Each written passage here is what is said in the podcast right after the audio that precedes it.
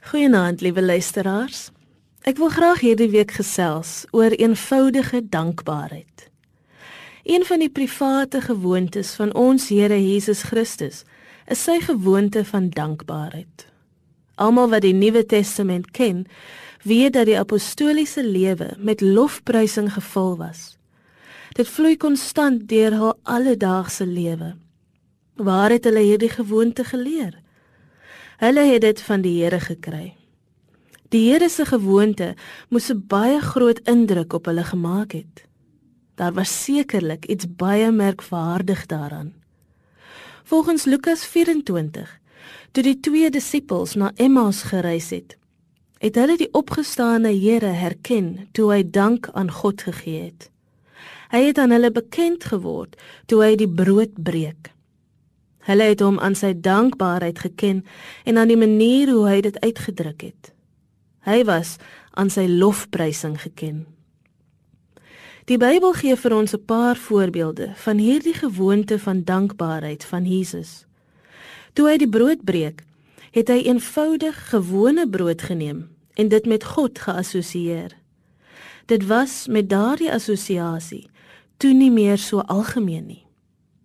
Hy het daarvoor dank betoon en in hierdie aktiwiteit het die algemene brood eintlik 'n goddelike element gekry. Die gewone maaltyd het 'n sakrament geword met die teenwoordigheid van God so eg soos dit aan die nagmaaltafel is. 'n Mens wat die goddelike verhoudinge in gewone goed soos brood ervaar, sy lewenspad lyk heel anders as iemand sin wat dit nie so ervaar nie. Die persoon wat vir die brood dankbaar is, is ook dankbaar vir die koringvelde, die sonskyn, die dou en die reën, vir diegene wat oes, vir die voorsienigheid van God ook vir die arbeiders en vir die masjinerie wat die koring fyn maal. Die persoon wat vir die brood dankbaar is, is ook dankbaar vir die veldlelies, die madeliefies, die fynbos.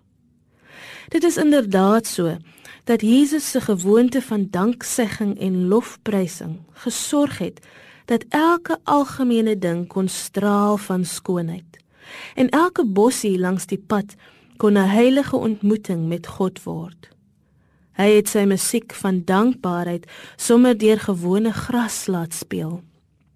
Vanaand gaan jy brood breek en môreoggend weer sal jy daaroor lof sing en God dank vir elke liewe detail van sy sorg.